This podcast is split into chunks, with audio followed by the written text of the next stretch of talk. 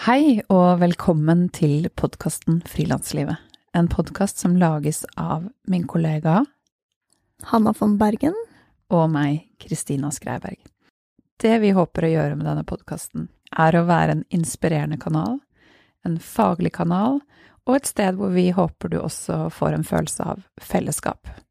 Vi lager den for alle dere som jobber for dere selv i medie-, kunst- og kulturbransjen, som står utenfor det faste arbeidslivet. I dag så skal vi snakke om ENK versus AS, fordi det vet vi at det er mange som lurer på. Og jeg, Kristina, etablerte AS i 2017 etter å ha frilanset med ENK i mer enn ti år. Og jeg, Hanna, har akkurat etablert AS og nettopp betalt min første lønnsutbetaling. Og grunnen til at jeg starta AS, var fordi jeg venter barn eh, i mars 2023. Det er så hyggelig. Yes, veldig koselig. Og da eh, kom jeg tilbake til litt mer eh, hvorfor jeg valgte å starte AS på grunn av det. I forrige uke så intervjuet jeg en ekspert eh, fra regnskapsprogrammet Fiken om det samme temaet. Så dette er altså del to av denne serien om ENK versus AS. Eh, Og i denne episoden så skal Kristina og jeg dykke dypere ned i tematikken og snakke mer om fordelene og ulempene ved begge deler, begge selskapsformer, og om hvorfor vi har tatt det valget vi har gjort, eh, fra et litt mer personlig ståsted. Og mange blir fortalt at AS er det beste, uansett. Men er det egentlig det? Selv om vi begge nå er AS, så vet vi at det ikke er det beste for alle, og det skal vi snakke om. Og veie litt frem og tilbake. Og denne her eh, episoden er merket som annonsørinnhold, eh, og det er fordi vi har en annonsør som heter Folio. Og Folio er en banktjeneste, eh, og siste episode var jo i samarbeid med Fiken, som er et regnskapsprogram, og både Folio og Fiken er annonsører i podkasten, og de eh, har også veldig mange gode integrasjoner mellom seg. Så du kan bruke Folio som en bank, eh, eller til å stifte AS, eh, og så kan du bruke Fiken som et regnskapsprogram. Og vi kommer litt mer inn på det her i episoden. Og grunnen til at de er annonsørene våre, er fordi vi med liksom 100% sikkerhet gjerne anbefaler det til andre frilansere. Og det er fordi vi har brukt disse, begge disse tjenestene selv, Fiken i mange, mange år. Folio har vi nå brukt når vi har etablert Frilanslivet AS eh, for bare noen måneder siden. Så brukte vi tjenesten deres, Stiftemaskinen, og vi bruker også deres bankkonto. Og det er derfor vi tok kontakt med dem og spurte om de ville være vår annonsør. Så det er litt sånn det funker når vi finner eh, annonsører, at vi ønsker å ha relasjoner som er ja, noe vi kan gå god for å anbefale til andre frilansere. Mm. Og disse er også veldig relevante tjenester, eh, både om du har et ENK eller et AS. Og det kommer vi til å snakke mer om, men dagens episode lages altså i samarbeid med Folio.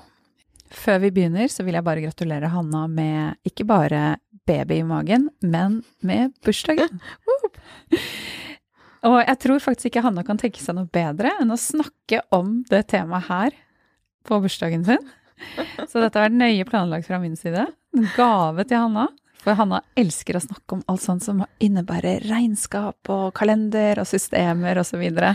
Sånn hashtag nerd. Hashtag nerd. Men Og på for- en veldig god måte. Ja, for, Det er jo kjempebra at du er så interessert i det. Yes. Og for uh, ryddighetens eh, skyld så er det i dag, 21. november, når vi spiller inn episoden, selv om den kommer til for deg, lytter, og høres på en annen dato. Ja. Og vi sitter nå i et studio på Skjeberg folkehøgskole, et par timer utafor Oslo, hvor vi har holdt tre timers workshop for elevene her. Og for å få vårt frilansliv til å gå opp, så spurte vi om å få låne studio her før vi drar hjemover igjen. Mm. Så her er vi. Her er vi. Du Hanna, du har jo etablert AS, eh, eget AS, for bare noen måneder tilbake. Og vi har etablert et AS sammen Oh. for bare noen måneder tilbake også. Eh, så det kan vi, vårt, vårt felles AS kan vi snakke om litt etter hvert. Men hvordan har det vært for deg å gå fra å ha hatt enk i flere år til å nå etablere et AS, og hvorfor har du gjort det? Det er jo noe jeg har tenkt på i ganske mange år. Og jeg har faktisk vært på flere sånne webinarer og foredrag om akkurat det her, og jeg syns alltid det har vært veldig vanskelig å vite hva som er det riktige valget. Fordi eh, det har alltid vært en sånn terskel for meg å bytte selskapsform, eller egentlig legge ned enke, da, starte AS som man gjør i praksis. Eh, og jeg tror det både handler om at det er et helt nytt system å sette seg inn i, mer frister, papirarbeid, og større kostnad. Eh, fordi, eh, og hvis du ikke har gjort det, hør gjerne del én av denne episoden, så får du på en måte all fakta, forskjeller, ut fra mer sånn et regnskapsperspektiv, um, hvor vi snakker med fiken om alt det her. Og det er de 14,1% i arbeidsgiveravgift som jeg har tenkt var ganske sånn saftig, saftig kamel å svelge. Um, At staten skal ta den chunken av pengene hver eneste måned? Ja, og jeg tror en annen stor del av det har vært at jeg har hatt veldig ujevn inntekt. Og det har vært eh, Jeg har jo tenkt at hvis jeg først lager AS, så burde jeg ha jevn lønn til meg selv.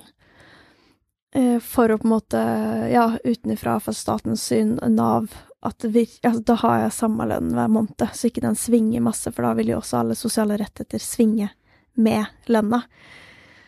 Um, så det har vært en lang prosess. Men nå, nå når jeg venter barn, så fant jeg ut at jeg kom litt skeivt ut av det i forhold til foreldrepenger.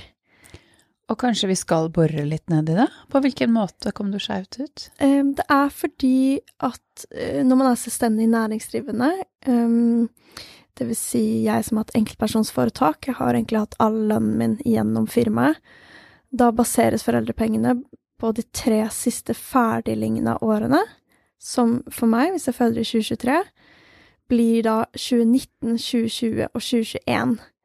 Og jeg var helt sikker på at Eller var helt sikker, jeg trodde det var de tre siste åra. Så jeg trodde, tenkte sånn, nå tar jeg masse oppdrag og gønner på i 2022. Eh, og egentlig har, snittet mitt gått bedre og bedre, jeg har tjent bedre de siste fire, fem, seks, syv årene. Så sånn, deilig. Det er superdeilig. Liten mm. klapp på skulderen der.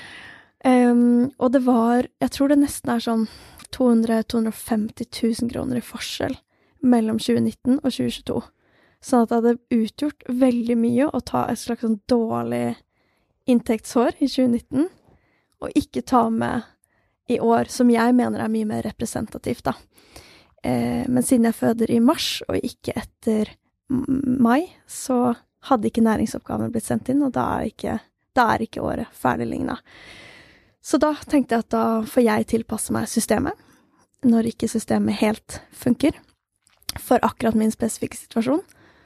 Og da eh, Og hvis du virkelig vil bore inn i det her, så kan du gå tilbake og høre på to episoder vi lagde om foreldrepenger med Nav, som virkelig dykker inn i det her temaet. Eh, men da tenkte jeg at det er en løsning å starte et AS og lønne meg selv. Ut ifra eh, den på en måte lønnen jeg ligger på nå, og føler at jeg kan ligge på og har ligget på de siste årene. Eh, og rett og slett være en ansatt i Navs øyne.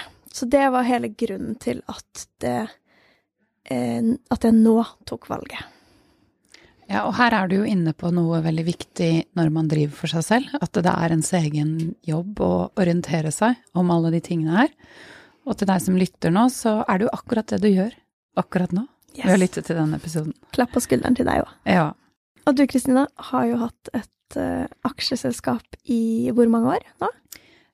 I syv år. I syv år. Mm. Hva er grunnen til at du gikk For du hadde jo enkeltpersonsforetak i mange år før det? Ja, i ti år, siden jeg startet i ca. 2007 eller noe sånt. 2008, jeg husker ikke helt. Hva er grunnen til at du gikk fra enk til AS? Det Altså, jeg hadde det fint som enk òg. Det var et fint frilansliv, det også.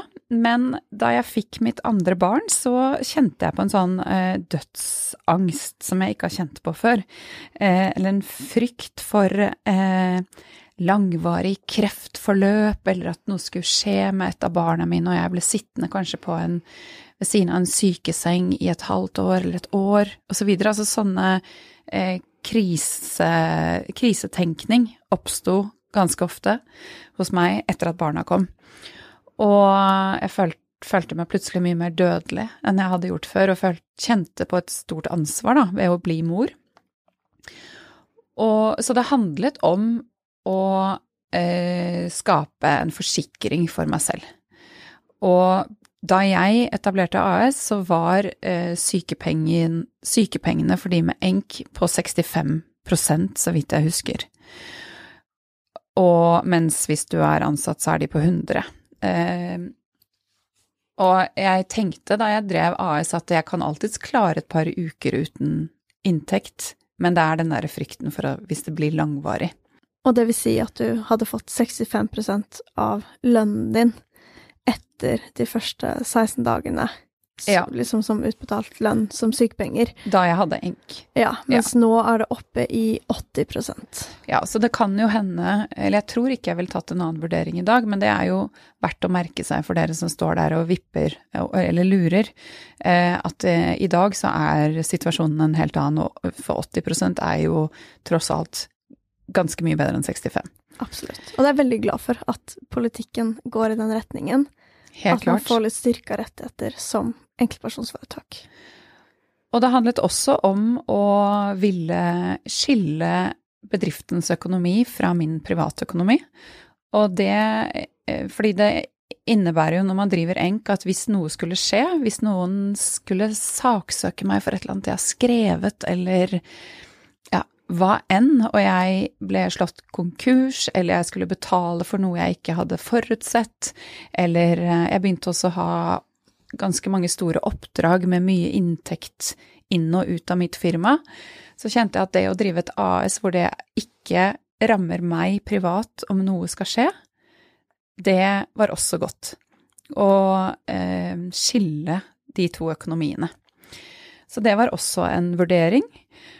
Og så ja, tror jeg at jeg bare ville på et tidspunkt drive på en måte, drive bedrift. Uh, og du driver jo helt klart bedrift når du driver enk også, men jeg hadde Tror jeg bare hadde liksom tenkt at nå er det fint og lurt å starte AS, og jeg har heller ingen plan om å gi meg i dette frilanslivet mitt. Så jeg tenker også at AS er en noe du først skal vurdere hvis du har lyst til å stå i dette på sikt. Eh, for et enk er mye lettere å bare la ligge sovende, og du har ikke noe inntekt, og da, hvis du ikke har noe inntekt på enke, så har du knapt noen forpliktelser.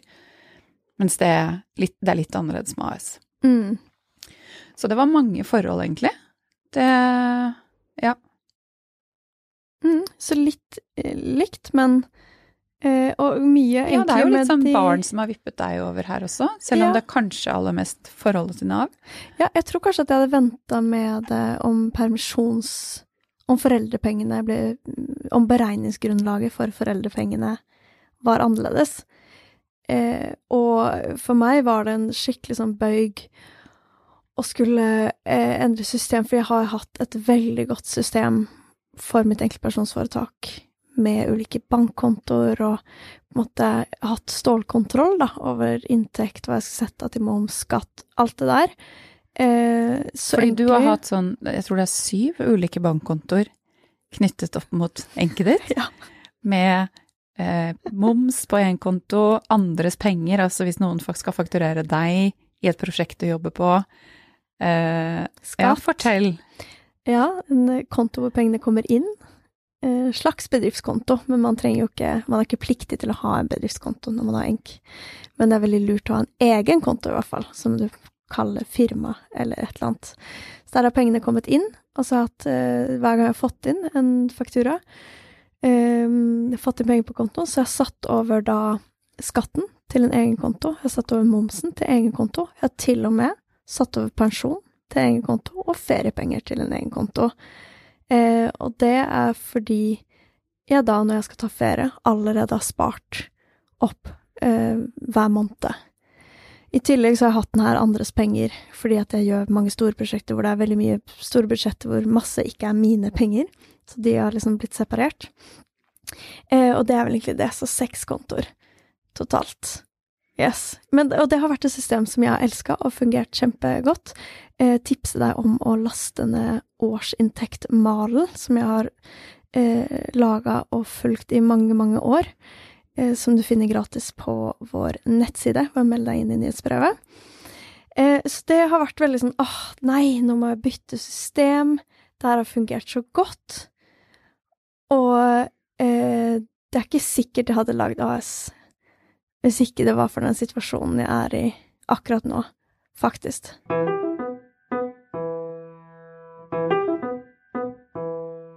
Nei, fordi jeg tenker Jeg syns det er fint at vi nå kan snakke litt om det egentlig er sånn at AS alltid er best. Eh, fordi det, er eh, flere som kommer til meg som skal starte opp som frilanser, og så sier de eh, å, burde jeg starte ENK eller AS? Eh, og litt sånn klassisk kan være sånn Foreldrene mine har sagt at jeg burde starte AS fordi det er eh, innebærer mye mer forutsigbarhet og sosiale rettigheter. Det er tryggere å starte Mm. AS. Eh, og så spør jeg ja, har du, har du mye, mange oppdrag, kommer du til å få mye, ganske god økonomi inn i firmaet ditt i nærmeste fremtid, osv. Nei, nei, det vet jeg ikke helt ennå. Jeg kanskje har ett eller to oppdrag hvor jeg kanskje tjener 10 000, og så 15 000, og så Men så vet jeg ikke helt. Så jeg tenker at eh, det er nok en myte at det alltid er så mye tryggere med AS, fordi med mindre du tjener ganske godt med penger i AS-et ditt, eh, og har en forutsigbar inntekt i AS-et ditt, så, så gir ikke Altså hvis du ikke gjør det, så gir ikke AS-et noe eh, trygghet og ekstra forutsigbarhet enn et enk. Så jeg tenker jo at for de som skal starte og etablere firma for første gang, så ville jeg helt klart anbefalt å etablere et enk hvis du skal etablere deg som frilanser og du bare er deg og jobber i kraft av deg selv. Fordi det er så mye lettere, og det er så mye mindre forpliktende. Eh, og ja. Mm. Hvorfor er det ikke sånn at man eh, har For man hører jo om disse sosiale rettighetene, men eh, det du tenker på, er vel at man både er arbeidsgiver og ansatt. Ja, altså de sosiale rettighetene, de får jo du på grunnlag av den inntekten du har. Og hvis du etablerer da et AS, og du har kun en, et honorar med 10 000 der og 15 000 der, og så kanskje 5000 om en måned eller to, så eh, Altså når du driver et AS, så skal du, hvis du ansetter deg selv, så eh, i hvert fall jeg, poenget med AS for meg, er at jeg gir meg selv en lønn hver måned, som er en fast lønn, som er på samme beløp hele tiden. Og du kan velge å la det svinge, men eh, hvis du blir syk den måneden du har lav lønn, så får du Beregningsgrunnlaget blir ut fra den lave lønnen du har gitt deg selv. Så det å ha en forutsigbar og jevn inntekt, eh, sånn at du, la oss si den ligger på 40 000 eller 50 000 hver eneste måned, det gjør at det er det du også får den dagen du blir langtidssyk, eller eh, går på dagpenger, eller ja. ja.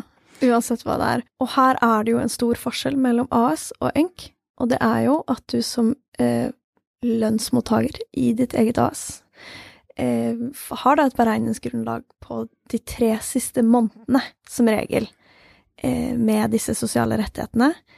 Sånn at hvis du, ja, da ga kanskje god lønn måned én, eh, de tre siste månedene, eh, og så to måneder var kanskje veldig dårlig lønn, så kan du komme skikkelig dårlig ut av det når det gjelder foreldrepenger, sykepenger, alt mulig. Mens ved et enk så er beregningsgrunnlaget de tre siste ferdiglignende årene.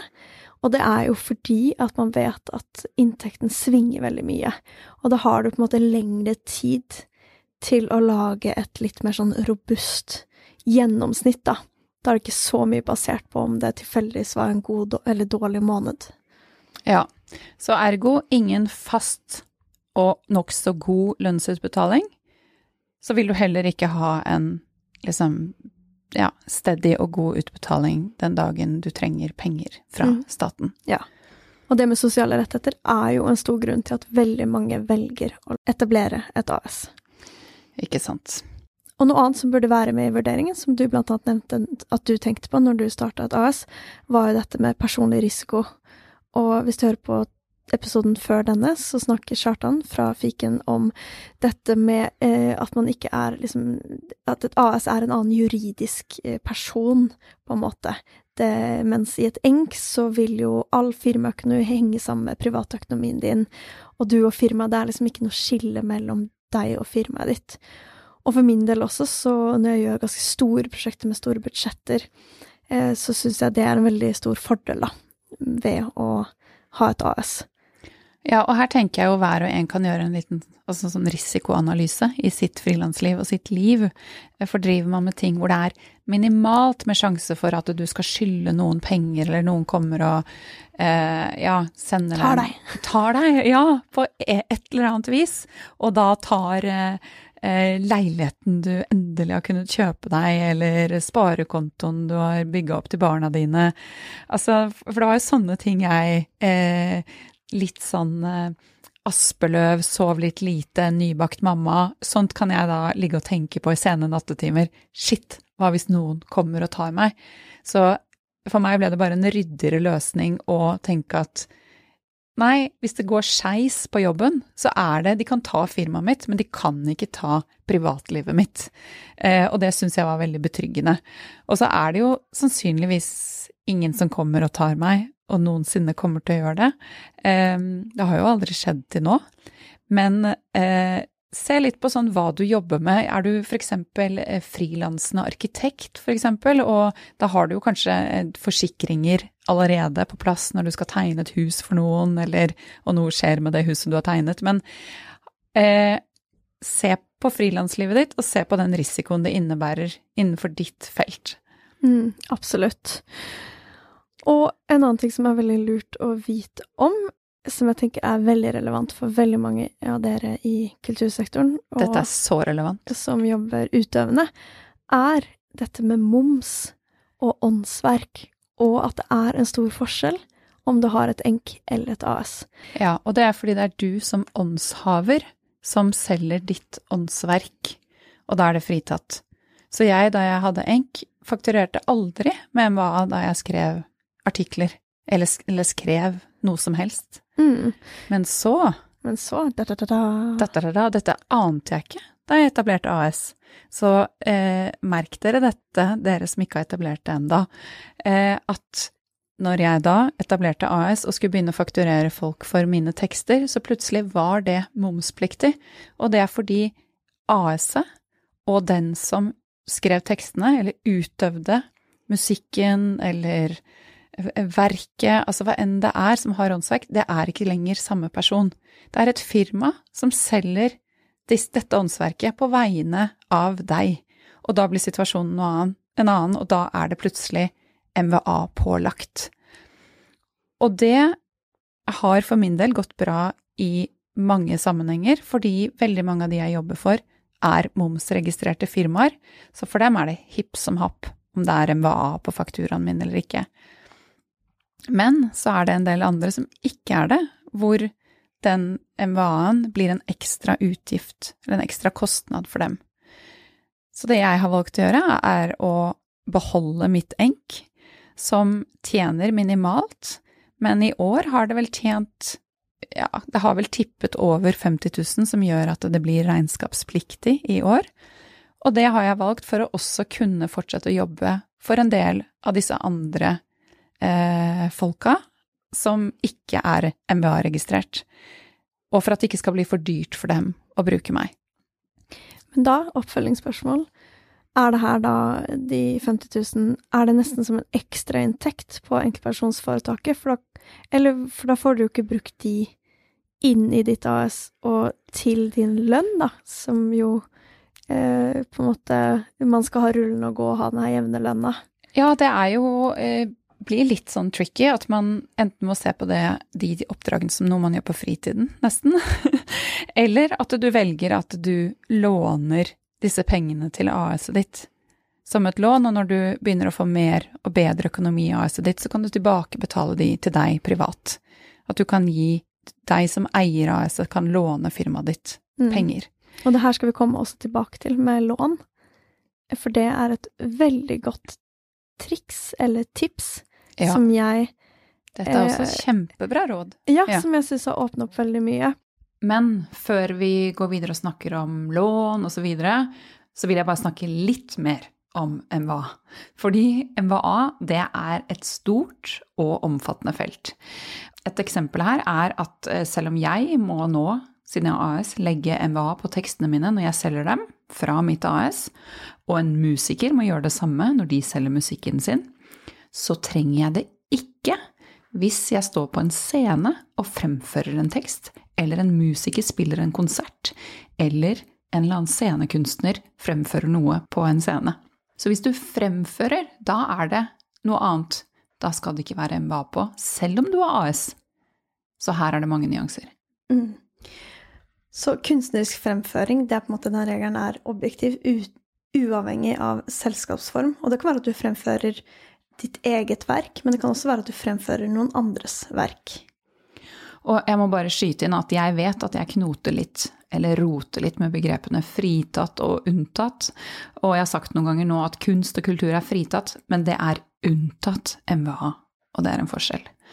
Og noe annet som også er unntatt MVA, det er undervisning. Men selv om det også er unntatt MVA, slik som kunst og kultur, så gjelder det en annen regel for undervisning.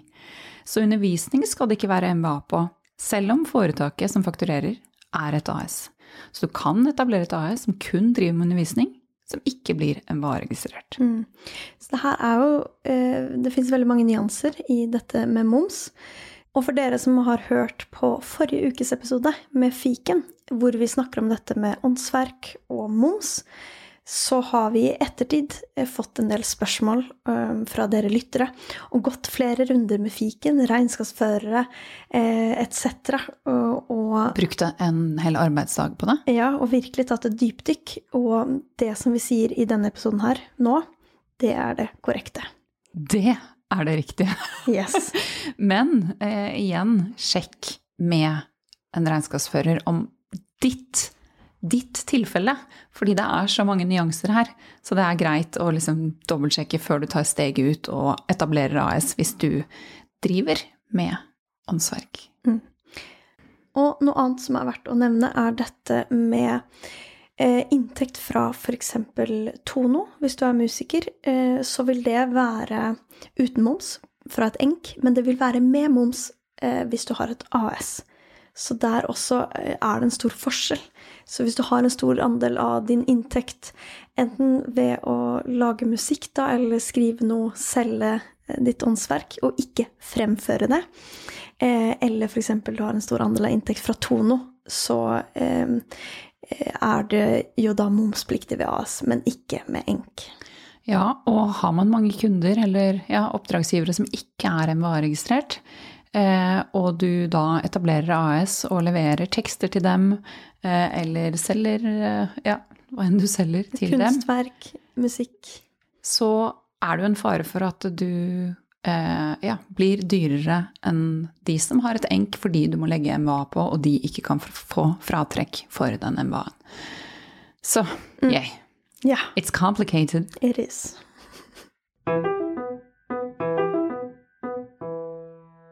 I denne vurderingen, er det enk eller er det AS, så kommer man veldig ofte inn på sosiale rettigheter. Og her så tenkte jeg at vi skulle liksom gjøre et lite scenario, en liten Mm. en tankeøvelse. Fordi i det siste de siste Hva har du tenkt på? ukene, Altså, når jeg nøla ut på det her temaet. Ah, mens jeg hopper inn litt sånn ferskt. Det jeg har tenkt på, er jo at en stor grunn for å velge AS er de sosiale rettighetene. Og her har jeg også prøvd å tenke liksom, hva er det av sosiale rettigheter som egentlig er bedre med AS enn ENK? Og vi har jo nevnt sykepenger. De er på 100 når du er eh, ansatt i ditt eget AS etter 16 dager, hvor du selv må stå for liksom, din ansatt eh, lønn. Så det vil si at fra dag 17 så begynner du å få 100 utbetalt i sykepenger. Men her vil jeg egentlig legge til en liten fotnote, selv om det kanskje blir litt brudd i tankerekken din. Fordi eh, man vet jo eh, at, eller alle som har enk, vet at man ikke får det fra Nav før fra og med 17. dag, og at man betaler for de første to ukene, da. To ukene pluss pluss selv. Og så tenker man at alle som er ansatt, de får det fra første dag.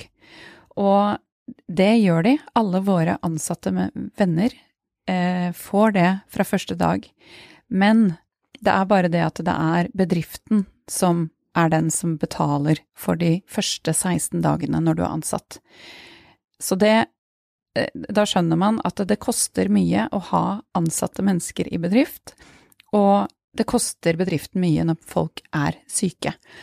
Og nå er det jeg som driver min bedrift, så det betyr at det, i praksis er det jo også jeg som betaler, selv om jeg er ansatt, for de første 16 dagene. Det er mitt AS, men ergo AS er mitt, utgiften går utover meg og firmaet mitt.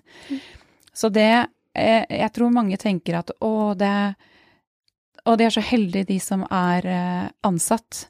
Og ja, det er de. De får på mange måter mye mer enn oss. Men vi får også så mye mer frihet og fleksibilitet ja, og glede og drømmer og så videre. Så husk det.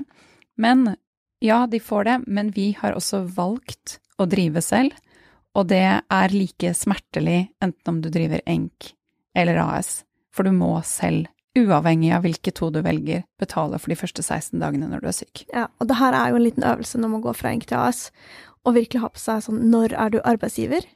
Ha Hatten. på seg begge hattene. Og når er du ansatt? Ja, Så og det er litt forvirrende i starten. Og så er det litt lett å syte litt over dette for seg selv eller til andre, over at det er sånn, at det kanskje føles urettferdig osv. Men hvis vi velger å være i dette gamet som er å drive bedrift, så er det sånn det er. Og det er også det for eh, kjempestore firmaer som eh, noen Aker eller eh, et eller annet eh, konsulentfirma. Eh, og det er sånn for ditt lille AS også, uavhengig hvor stor eller liten du er. Og hvis det er for mye for deg, så må du få deg en ordentlig fulltidsjobb. Nei. Ja. Det var hardt. Ja. Litt hardt fra sidelinjen her. Men det her er en god motivasjon til å eh, tjene bedre, fordi, nettopp fordi man står for så mange ting selv. Eh, så det var sykepenger. Og så har jeg også vært sånn, men hva annet er det? For det er kanskje det man først tenker på. Fordi når det gjelder foreldrepenger, jeg tror også det gjelder omsorgspenger, en del andre sånn sosiale rettigheter, så tror jeg at Altså, det er litt forskjellig hva som er beregningsgrunnlaget, men det er ikke sånn at du får mindre. Eh, det er vel på en måte at du får det du har hatt i inntekt, får du også når du skal ha barn. Eh, og så kan du, sånn som meg, havne litt sånn skeivt ut av det, men det blir liksom noe annet enn hva du har av sosiale rettigheter. Men den store, stygge ulven Ok, nå er jeg veldig spent. er dagpenger. Yes. Og det er jo virkelig den største forskjellen, vil jeg si, eh, ved ENK og AS når det gjelder de sosiale rettighetene. Og det vil jo egentlig si eh, Dagpenger er jo hvis du plutselig ikke finner noe mer jobb. Eh, så det kan jo være at hvis du er ansatt et sted, og så blir du permittert fordi bedriften klarer ikke å finne mer jobb til deg. Og så du som Eller kommer en pandemi. eller kommer en pandemi. Og nå kom det jo spesialregler i pandemien, men eh, egentlig alle dere og meg da, som hadde ENK, vi hadde egentlig ikke krav på noe som helst. Det var staten som bare gikk inn og lagde spesiale regler. Men vanligvis, i en vanlig hverdag, eh, hvis det bare er tørke, eller du ikke får deg jobb, så har du ingen rettigheter. Mens hvis du har etablert et AS, så er du din egen arbeidsgiver. Da kan du velge som arbeidsgiver å permittere din ansatt, aka deg. Eh, Da må du sende permitteringsvarsel og begrunne hvorfor du må permittere. Og det kan være i 100% permisjon, du kan måtte si opp vedkommende, eller eksempel gradert permittering, at den ansatte kun kan jobbe 50% fremover fordi markedet har blitt borte, mm, eller et eller annet har skjedd.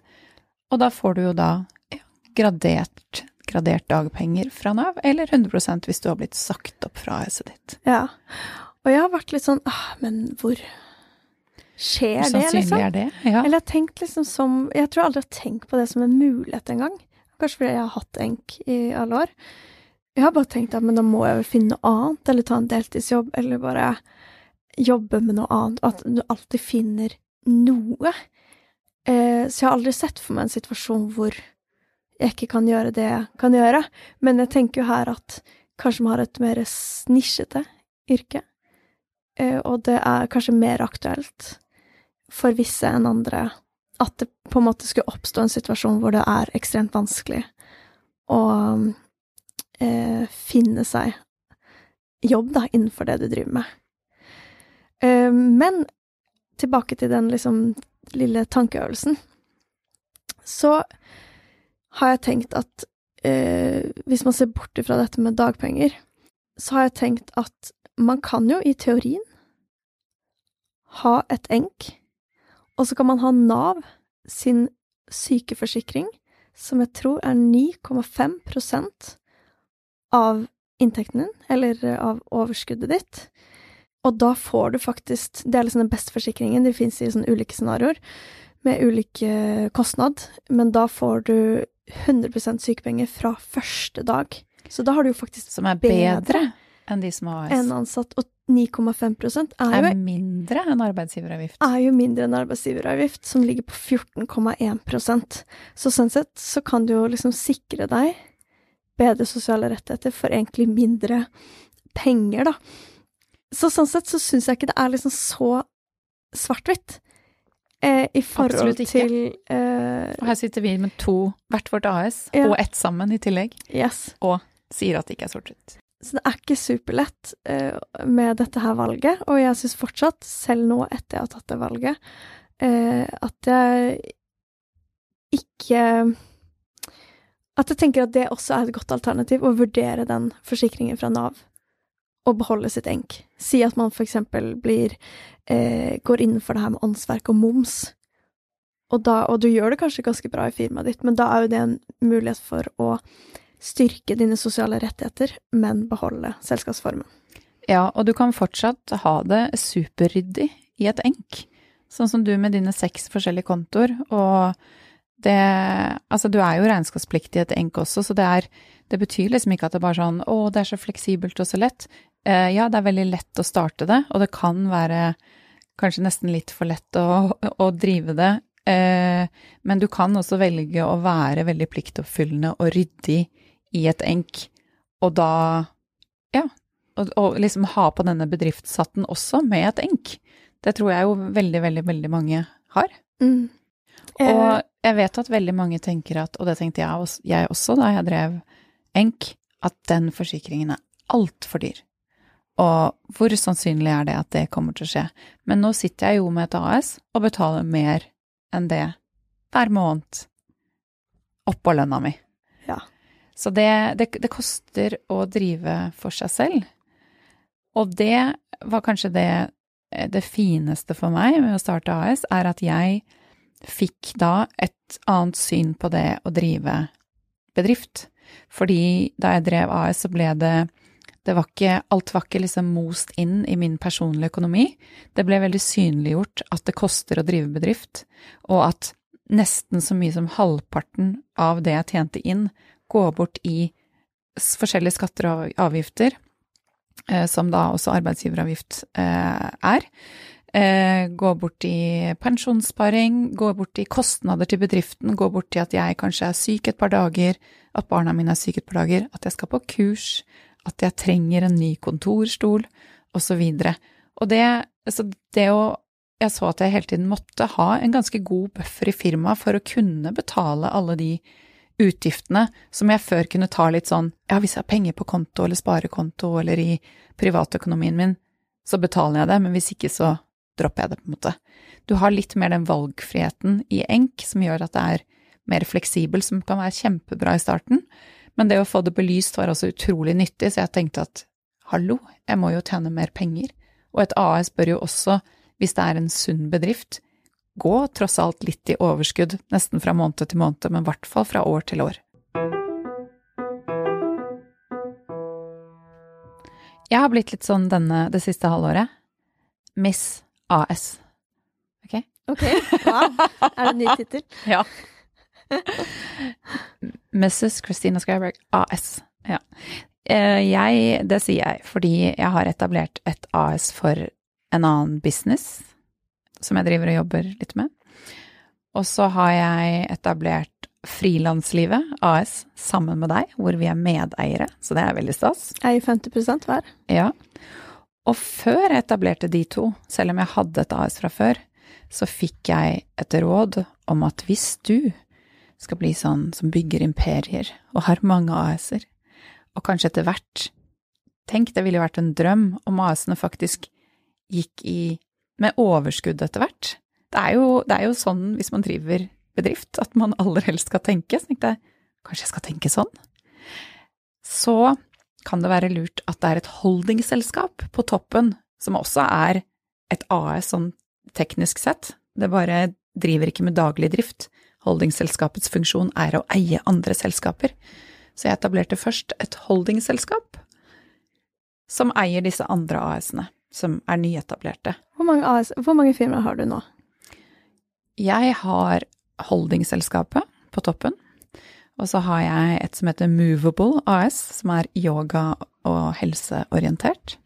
Så har jeg Frilansliv AS. Og fra før så hadde jeg et ENK og Kristina Skreiberg, mitt AS. Eh, fem selskaper, og fire av dem er AS. Wow. Ja, og vi bare Bør du vurdere AS eller ENK, så bare sitter du her med fire av fem Nå selskaper liksom er Ja. AS. Ja. Og jeg Og jeg, men jeg vet ikke om det er lurt. Det er, dette her er, det er fremtiden som egentlig vil vise om det er lurt.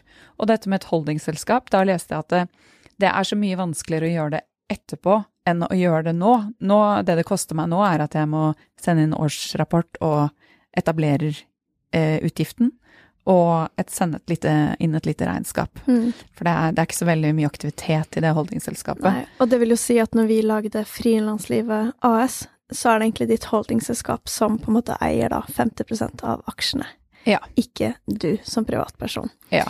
Og dette, nå går vi litt sånn videre her, men dette er jo fordi da, hvis det bygger seg opp vekst i disse AS-ene, så kan jeg velge at utbyttet går opp til holdingselskapet eh, og blir værende der, og, og hvor man kan reinvestere før du har skattet av overskuddet.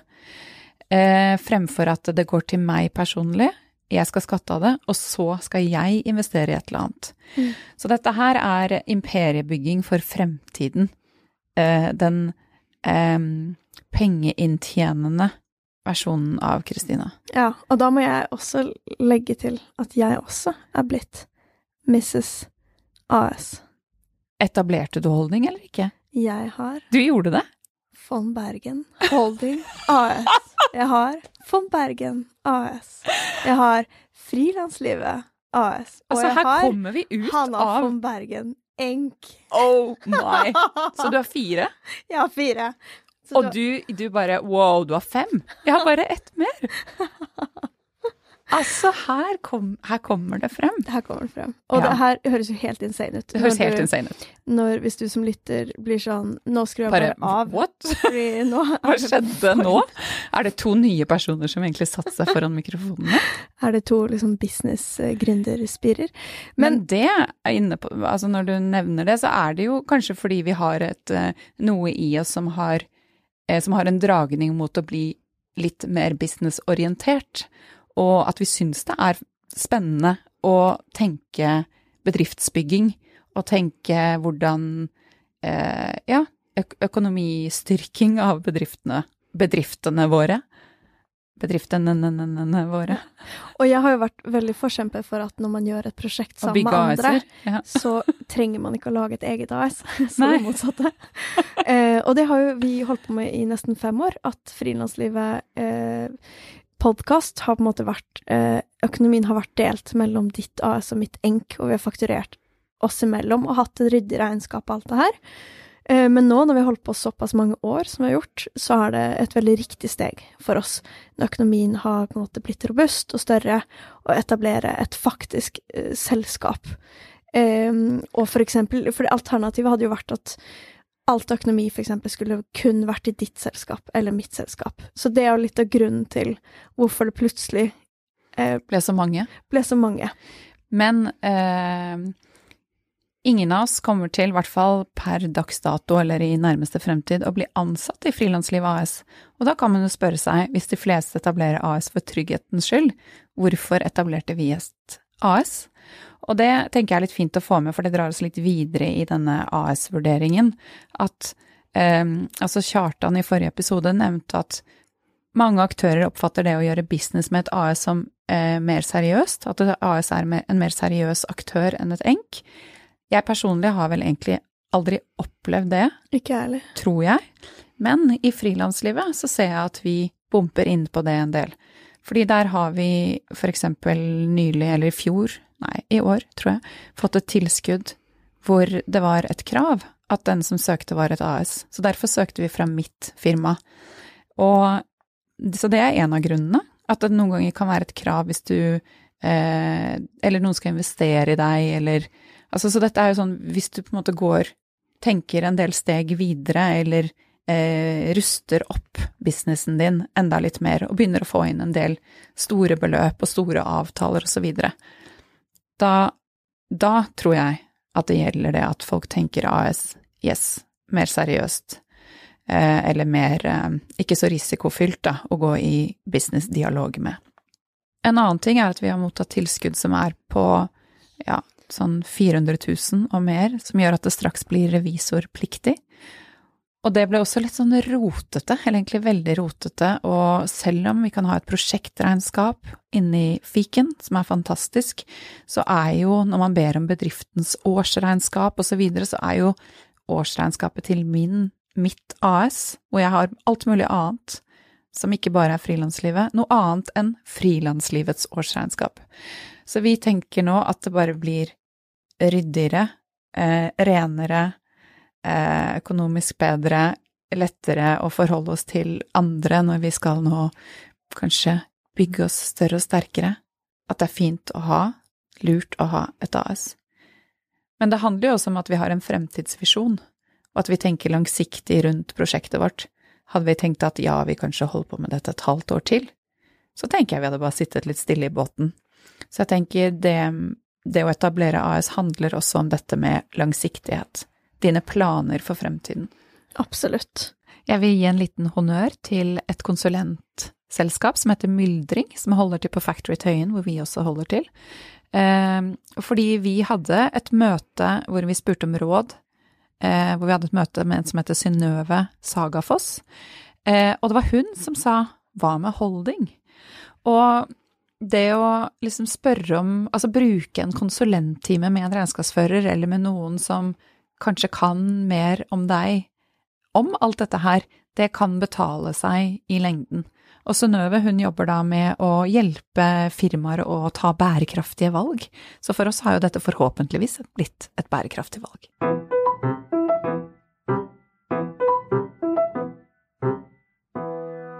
Yes. Mm. Eh, og selve overgangen fra ENK til AS, hvordan eh, Kan du fortelle litt om hvordan det var når du gjorde ditt første AS, versus hvordan det nå er? Jeg vet hvorfor jeg etablerte tre nå på rappen for noen måneder siden. Det er fordi det var så lett og gøy å bruke stiftemaskinen, som er en sånn etablerertjeneste som firmaet Folio, som er en banktjeneste, tilbyr. Så det var bare noen tasteklikk, og jeg bare, jeg bare tastet i vei, og vips, så var de etablert. Ti, AS kunne du lage. Ja, ja, ja, kunne laget altså in no time. Nei da. Men det var, eller er, eh, virkelig lett, og så lett gjennomførbart. Eh, så nå må jeg bare skryte litt av eh, de som er annonsøren i denne episoden. Eh, for hvis du vil etablere AS, så sjekk ut Folio og stiftemaskinen, fordi da er det virkelig bare å trykke på noen knapper, og de gjør jobben for deg. Og da jeg skulle gjøre det for syv år siden, så var det ikke sånn. Da fikk jeg en Min eh, far, som alltid har drevet for seg selv eh, også, som arkitekt, sin revisor til å etablere det for meg, og det virket så komplisert og tungrodd, og jeg tror jeg betalte han 3000-5000 kroner bare for jobben, i tillegg til at det koster, nå er det vel 5990 eller noe sånt, som det koster i gebyr til Brønnøysundregisteret å etablere et AS. Så det var straks nesten dobbelt så dyrt som det er nå. Ventetiden var mye lenger. Jeg tror nok ikke helt jeg skjønte hva som skjedde, på en måte. Det virket ikke som det var noe som jeg kunne gjøre selv. Så det er jo disse tjenestene, altså fiken og folio, som eh, tilrettelegger for at det blir lett å drive bedrift. Det har vært en så enorm forbedring i mitt frilansliv. Fordi tjenesten eksisterte ikke da jeg startet ut. Ja. Eh, etableringsgebyret for å starte AS er 5570 kroner.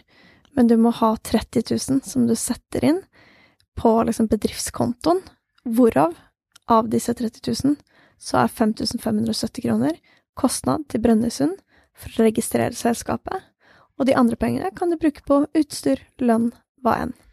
Ja, så vidt jeg husker da jeg startet for syv år siden, så tror jeg faktisk også det var 100 000 i eh, hva, egenkapital, nei, egeninvestering, husker ikke helt hva det heter. Mens nå er det 30. Så det er jo ting som har gjort det både lettere å etablere AS, og eh, lettere eller mer eh, appellerende å drive ENK. Så det har liksom ja. begge, begge, deler har på en måte blitt bedre, da. Ikke sant. Så ja, for en del sosiale rettigheter har blitt mye mer styrka med enke. Eh, men kostnader og teknologien er blitt styrka med AS og ENK egentlig også, da. Ja. Eh, og eh, bare for, for, å fortelle også litt hvordan på en måte folio fungerer, og kanskje også i forhold til liksom fiken. Fordi jeg tror for mange så er det det her med det administrative, det er frister, det er liksom det er litt den papirskrekken, og hva hvis jeg gjør noe feil, og ved et AS så er det mye mer ting du er pliktig til å gjøre enn ved et ENK. Og hvis du vil høre om alt det, så hør på forrige episode. Og hvis du er helt, helt ny til regnskap, så kan du høre episode syv med Fred Gerhard Strand, som er en veldig flink regnskapsfører, som er en introduksjon til regnskap. Og vi har også lagd en til episode med Fiken, med litt sånn smarte regnskapstips. Ja, dette er litt hvis du kjenner at oi, det, jeg har egentlig bare lyst til å gå en del steg tilbake først, før jeg tar inn alt dette her. Før du lager ditt imperium. Ja. Før du, før du etablerer holding. Ja. Og eh, med folio, da, så eh, på en måte kan man både stifte et AS. Eh, det har også samarbeid med Fiken, hvor du kan også stifte et AS på en måte både gjennom Fiken eller folio. Og Folio er som nevnt en banktjeneste. Det vil egentlig si at man, når man har etablert et AS via Folio, så har de et samarbeid med en bank eh, som gjør at du får en eh, bedriftskonto som man er pliktig til å ha. Og du får også en skattetrekkskonto, eh, fordi når du har et AS og er eh, ansatt i ditt eget AS, så er du pliktig til å sette inn skatten på en egen eh, skattetrekkskonto. Og du får også et bankkort som er på en måte kobla opp til, eh, til ditt AS, da. Eh, som du kan ha liksom en egen pott med penger på bare bankkortet. Så det er veldig praktisk. Du får liksom en hel pakke med folio. Eh, I tillegg så kan du, når du har eh, fått en inntekt eller hatt en kostnad, så ser du det i nettbanken, og så kan du legge med et bilag, altså en kvittering, et dokument, direkte inn i Folio. Og så har Folio et samarbeid med Fiken, som er supersmart, som gjør at du kan sende bankavstemning, dvs. Si at det er et slags um, dokument som viser alle kostnader og alle inntekter på en måned så sender du det sammen med alle de her bilagene som du har lagt opp i folio, direkte inn i regnskapsprogrammet ditt. Hvis du da bruker fiken, så kommer det direkte inn i fiken, eh, sånn at du på en måte eh, har det samla da i regnskapsprogrammet. Så det er litt sånn hvordan de kommuniserer og jobber sammen. Fordi i et regnskapsprogram så er det jo der du for eksempel sender fakturaer. Men så når du har sendt inn en faktura, så kommer innbetalingen i banken. Så du trenger jo liksom begge to, eh, men det er veldig deilig at de snakker sammen.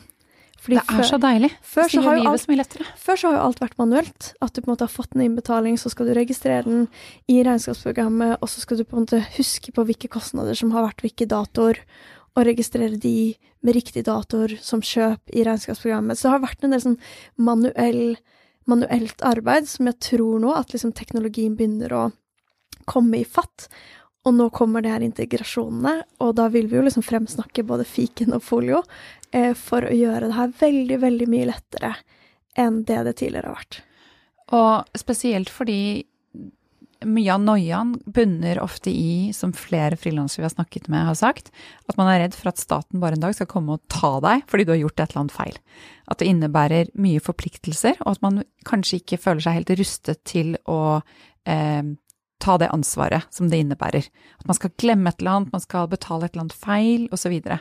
så um, det er virkelig til stor hjelp, og disse tjenestene koster jo noe. Eh, men hvis du begynner å få en Hvis du har en drift, og du har en, liksom, en jevn økonomi, så er det verdt det for alt det er verdt. Ja, Ja. absolutt. Og du kan, også med AS, som du kan med ENK, føre regnskapet ditt selv og stå for hele regnskapsføringen, og vi da bruker fiken. Men jeg har valgt, og jeg valgte det også med ENK, å ha en regnskapsfører som ser igjennom for meg. Jeg fører det løpende regnskapet, utbetaler meg selv eh, lønn, sender eh, MVA-meldingen osv. Men han titter inn med jevne mellomrom i løpet av året, og han gjør hele årsregnskapet. Og det er bare en sikkerhet som jeg ønsker å ha, og også at jeg har en som jeg kan spørre om ting, sende en mail til når jeg lurer på noe. Så Mm. det kan man selvfølgelig ha selv om man bruker disse Ja, tjenestene. og her kan man jo også spare inn en del ved å få gode råd eh, om ting du kan kostnadsføre, eh, ja, spesialregler rundt moms, hva er momspliktig ikke. Altså det er jo en del Jeg tenker også at man får igjen rent sånn økonomisk av å ha med en regnskapsfører. Og det er kanskje sånn som jeg har alltid ført regnskapet selv. Nå når jeg har lagd AS, så har jeg fått med meg regnskapsfører, fordi det har begynt å bli ganske sånn komplekse prosjekter. Eh, og så tenker jeg at jeg gjør det noen år, og så ser jeg etter hvert Kanskje eh, jeg beholder det, kanskje jeg velger å gjøre det selv. Men spesielt i en sånn overgang, og når det er mye nytt, så syns jeg det er veldig fint å ha liksom den støtten. Og da trenger det heller ikke å bli så kostbart å bruke en regnskapsfører, fordi du også gjør veldig mye av grovarbeidet selv. Og hvis du er litt nysgjerrig på dette med folio og fiken-integrasjonen, eh, så kan du enten gå inn på folio.no og generelt sjekke ut eh, på en måte deres tjeneste, du, eh, hvordan det fungerer, men også folio.no skråstrek les skråstrek folio pluss fiken, eller bare google folio pluss fiken, eh, så kan du sjekke ut liksom hvordan de to tjenestene og programvarene snakker sammen og er integrert.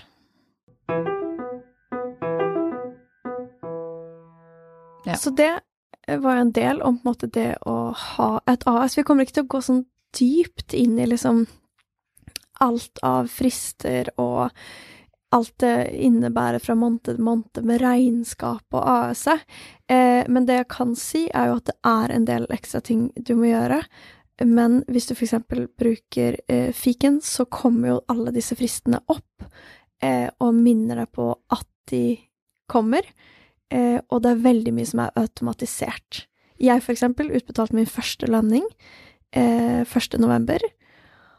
Og så var jeg sånn shit, avmelding, det er jo noe greier som AS må sende inn. Og så hadde jeg sett at det var jo allerede sendt inn ved at jeg utbetalte lønn til meg selv, men det hadde skjedd automatisk. Jeg trodde det var noe ekstra jeg måtte på en måte gjøre eller ta tak i. Men det som er verdt å huske på, er For, altså, for det går jo lekende lett, men du, du, må inn der og trykke på disse knappene. Men eh, hvis du har et AS og er ansatt hos deg selv, og kanskje du Selv om du bare skal gi deg selv eh, null kroner i lønn, eh, men så lenge du er ansatt, så må du sende inn den lønnsslippen og få sendt inn avmeldingen. Så det er noe du må gjøre selv om du kanskje er på reise i India, på en måte. Så må du bare huske å gå innom internettkafeen gjorde det da jeg reiste, og trykke på det og sende inn. Mm. Så det, men, så det tar jo fem minutter, men man skal bare huske på at man gjør det. Ja, og du har jo hatt noen sånn her om dagen så kom du med en papirlapp i lomma hvor det står 'husk'. Husk å innbetale skatt og arbeidsgiveravgift, som skjer Ja. annenhver måned. Og det, det hadde jo fått varsel om det i mailen min, og når jeg går inn i fiken, så står det der. Men det er jo bare noen ting hvis man er litt bakpå i livet som bare ops, den fristen er nå. Det må jeg huske på. Og det er jo også en stor forskjell mellom AS og ENK, at de, de ikke kommer like ofte. De er fristende. Eh, og det er litt flere av de når Ja. du har et AS. Nå skal vi bevege oss over på litt sånn ting vi har lært. Triks, tips, eh, som har Og kanskje litt sånn Ja, hva har det gjort for oss å ha et AS? Det kan ikke jeg svare på så mye ennå, men du har jo hatt det mye lengre. Jeg har sett en veldig stor forandring hos deg da, de siste fire ukene. Bare blitt så mye mer penger, profesjonalisering med Ja. Altså ja. mye mer robust økonomi. Ja, ja. Stor endring. Virkelig en reise, altså. Nei, altså Nei, altså, hva har jeg lært av å drive AS i syv år? Det er nok at jeg har, eh, litt som jeg var inne på, blitt mye mer bedriftsorientert. At jeg syns det er lettere å forsvare overfor meg selv, først og fremst, fordi jeg ser tallene på skjermen, hvor mye som går til alt annet enn meg eh, når jeg driver bedrift. Hvor mye det koster å drive bedrift. Og da syns jeg også det er mye lettere med eh, å forsvare overfor oppdragsgivere, eller liksom med rak rygg si at jeg skal ha mer penger enn jeg tok da jeg drev enk. Og det er mye som har ledet til den endringen. Jeg har holdt på mye lenger, jeg har erfart mye mer. Eh, hele bransjen min har blitt mye mer eh, orientert rundt eh, det å få anstendige honorarer. Jeg har blitt dyktigere på å forhandle, kjenne min verdi osv., men det er også en del av det å drive At jeg driver AS og driver bedrift. Og jeg syns det er gøy å drive bedrift. Jeg syns det er gøy å lese om det, jeg syns det er tidvis også gøy å sitte inne i fiken og føre bilag og se hvordan det går, og se hvilke, hvilke oppdragsgivere eller prosjekter eller det jeg legger energien min i, hva som på en måte gir noe tilbake, også økonomisk. Men hvis jeg skal gi ett tips, et, noe som var utrolig eh, viktig for meg, som gjorde at starten ble god, det var at jeg, da jeg startet, så er, har du kanskje ikke nødvendigvis så mye penger i firmaet fra start, og det er ikke sikkert du klarer å time det helt sånn at du får inn en jobb eller får sendt en faktura sånn at du kan betale din første eller andre lønnsslipp og kommer i gang. Og det jeg da gjorde, var at jeg, jeg hadde jo en del penger på enke, og jeg har, eh, som jeg har nevnt i så mange andre episoder, alltid hatt en bufferkonto. Så jeg lånte AS-et mitt, jeg tror til å begynne med, i hvert fall 100 000 kroner, etter hvert har jeg lånt 200 000 kroner osv. når jeg har trengt det. Hvor jeg har gitt eh, firmaet et lån fra eier. Altså eier har lånt penger til firmaet. Og det er jo fordi jeg Grunnen til at jeg startet AS var jo blant annet at jeg ville ha en fastlønn og ville ha den tryggheten og forutsigbarheten. Og da kan man jo tenke at oi, er ikke det litt uøkonomisk? At jeg bruker penger som jeg allerede har skattet av, låner de inn i AS-et mitt, for så å betale 14,1 og skatt av den lønnen som jeg utbetaler til meg selv. Det er jo litt sånn at man Hvordan sender få penger til å bli mindre penger og Ja. mindre penger. Ikke blåse det opp, men blåse det ned. Og det bare drive og flytte penger rundt igjen, altså mellom mine egne kontoer. Og når man da låner eh, penger til seg selv, så må man skrive sånn lånebevis, og så eh, føre det som en eh, som et lån i firmaet osv. Så, videre. så det må være ryddig. Det er ikke bare å putte bare- det inn. Nei, og her kan jeg bare tilføye at det er helt lovlig å låne firmaet sitt penger fra sin privatøkonomi, men ikke motsatt. Ikke låne penger fra firmaet til deg som privatperson. Der er det litt mer fishy. Så, der, eh, så det begir vi oss ikke inn på. Men jeg tenkte når jeg først hørte det her, at er det, egentlig, er det egentlig lov å på en måte gjøre det? Men det er det altså. Ja, og det er jo eh, jeg som da egentlig blåser litt opp økonomien i AS-et for å kunne betale ut lønn. Eh, men det er jo helt normalt for veldig, veldig, veldig mange firmaer å innhente kapital. At du har eh, ja, folk som eh, er investorer, eller du tar opp lån i banken, bedriftslån. Altså, det er normalt å trenge penger til en oppstart, og at det er jeg personlig som har de pengene, er jo egentlig irrelevant, så lenge man gjør det ryddig. Og så tilbake til det der at det kanskje er, kan virke uøkonomisk. Ja, eh, der og da, men så snart AS-et mitt kommer i pluss, og det ga meg også litt sånn intensiv til at oi, eller sånn motivasjon til at nå jeg må faktisk AS-et mitt er egentlig i minus. Jeg må, jeg må, begynne å tjene litt penger. Um, så fort jeg har de pengene i AS-et, så fører jeg jo de tilbake og tilbakebetaler lånet, og liksom Så det er ikke noe sånn at jeg har skattet forgjeves eller betalt for mye noe sted, eller det hele og fulle 100 000 beløpet, hvis det er det du låner firmaet ditt, det får du tilbake. Mm. Og det jeg syns var utrolig bra med å få vite det her, og det her har jeg lært av deg, Kristina, det er fordi min største sånn eh, klump i magen rundt det å liksom gå fra enk til AS. Eh, og her kan vi også si at det egentlig ikke er en overgang. Man kan jo enten beholde enke som det har gjort, eller legge det ned, og så starter man opp et nytt firma. Det er jo sånn egentlig overgangen i, i Gåstegn eh, er, da. Men eh, det har vært eh, det her med at jeg har så ujevn inntekt. Og jeg syns det har vært virka veldig vanskelig å ha en jevn inntekt, og som vi snakka om i starten, så er det ikke noe poeng å lage et AS å lønne seg selv, hvis du ikke har tenkt egentlig å ha en ganske fast, jevn inntekt.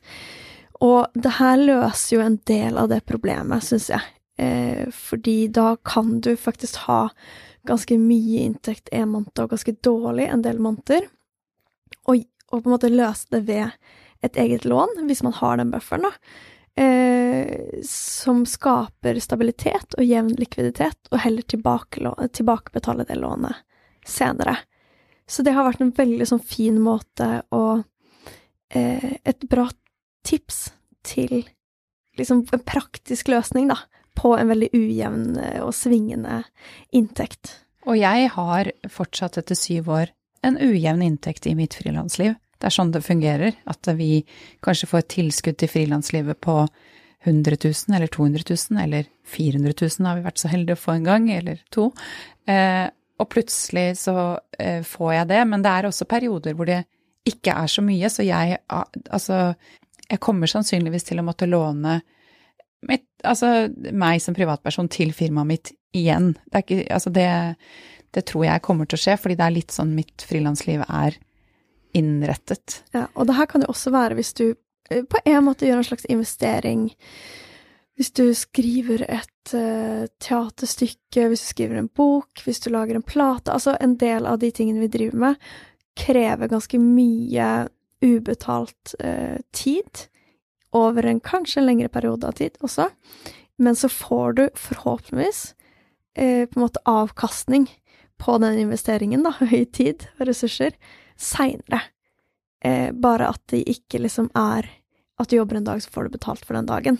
Og det er jo også veldig praktisk, enten om du da har klart å spare opp et overskudd i firmaet som du så kan leve av, eller om du kan gi deg selv et lån for å liksom investere denne tiden, da. Mm. Og så hvis man snur litt på det, da, og kanskje får plutselig mye inntekt inn på AS-et sitt av en eller annen grunn, eh, så har vi et annet råd.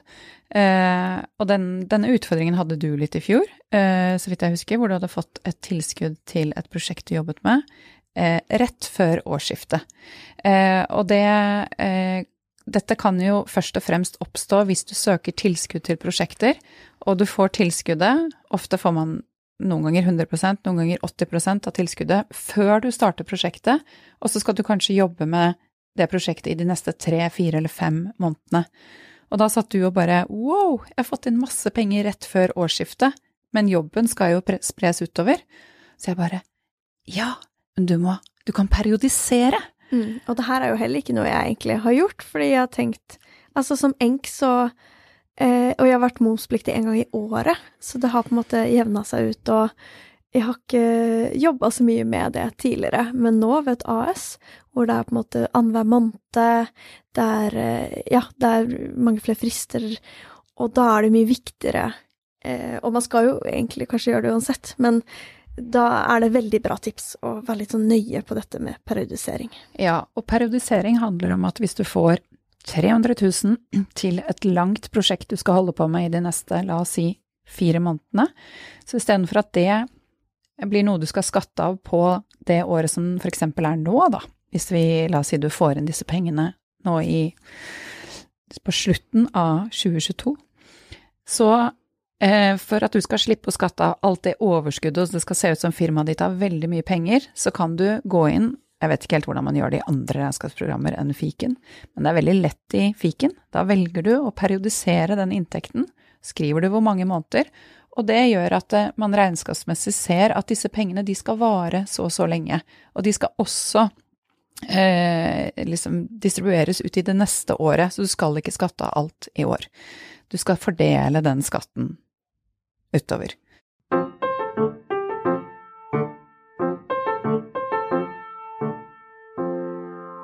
Men Kristina, kan ikke du fortelle litt om eh, i det daglige eh, i forhold til system. For et av de viktigste tipsene vi har fått fra Chartan, er gjør regnskapet fortløpende. Ja.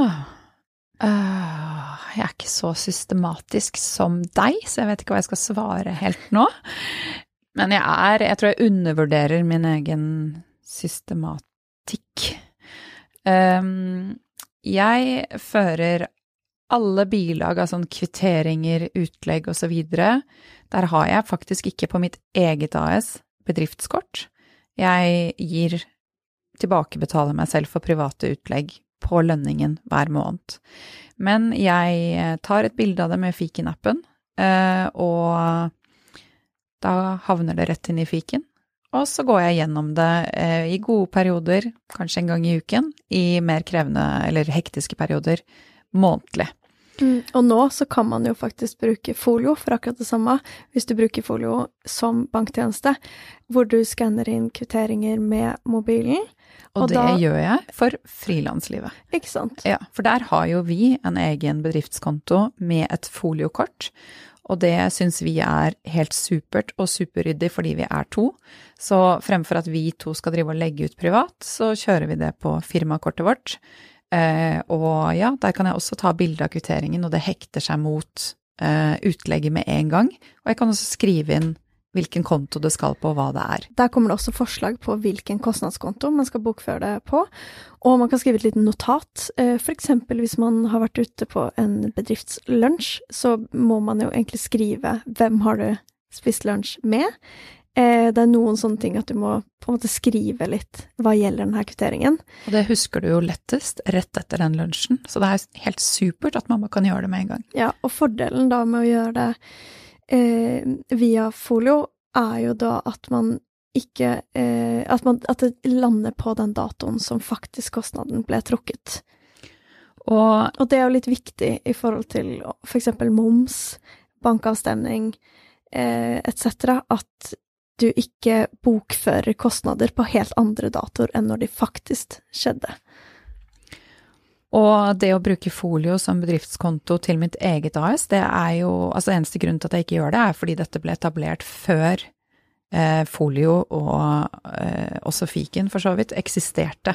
Eh, men det Nå har jo de den, en superbra integrasjon, og hvis det eh, viser seg å være sånn supertidsbesparende, det er jo supersmooth når vi bruker det til frilanslivet, så er det absolutt noe jeg vil vurdere å også gjøre med mitt eget AS. Mm. Og en ting som er verdt å nevne, er at man nå Det kommer en ny regel som gjør at man er pliktig til å sende inn næringsoppgave gjennom regnskapssystem. Så litt for deg som kanskje ikke har noe, så er det eh, noe du nå må starte med. Hvis du tjener over 50 000 på enket ditt. Yes. Ja. Mm.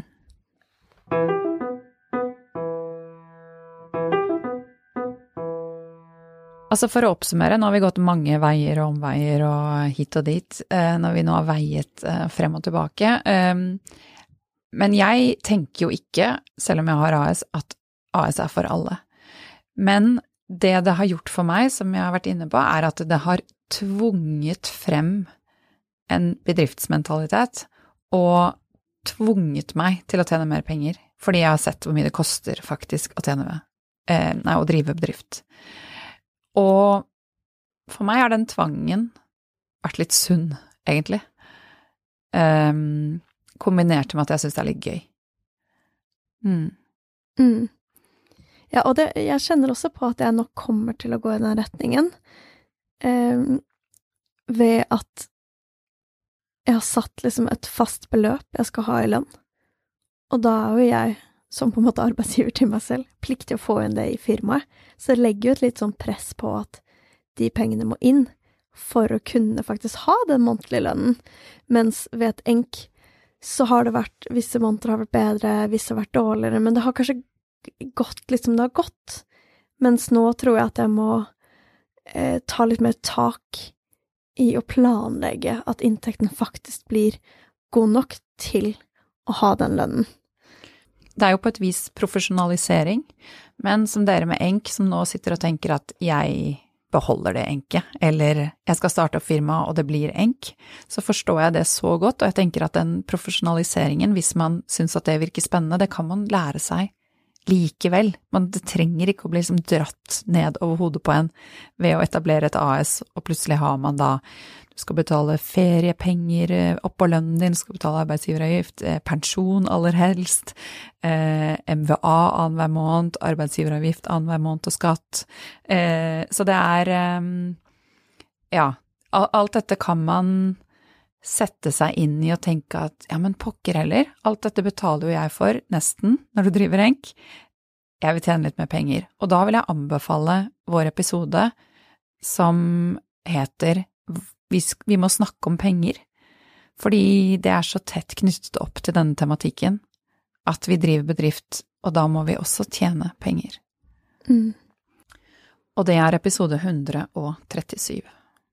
Så hvis du allerede er på en sånn eh, roll nå, hvor du har hørt eh, kanskje nå andre episoden om Enk versus AS, kanskje du også har hørt, eh, hvis det er relevant for deg, samtale om foreldrepenger og Nav, to episoder der òg. Eller spare det til en dag det kanskje skulle bli relevant, så kan du bare kaste deg over 137 også. Absolutt. ta på bedriftshatten. Ja. Så Enk versus AS, det er ikke noe veldig sånn tydelig fasit eh, på det hva man skal velge.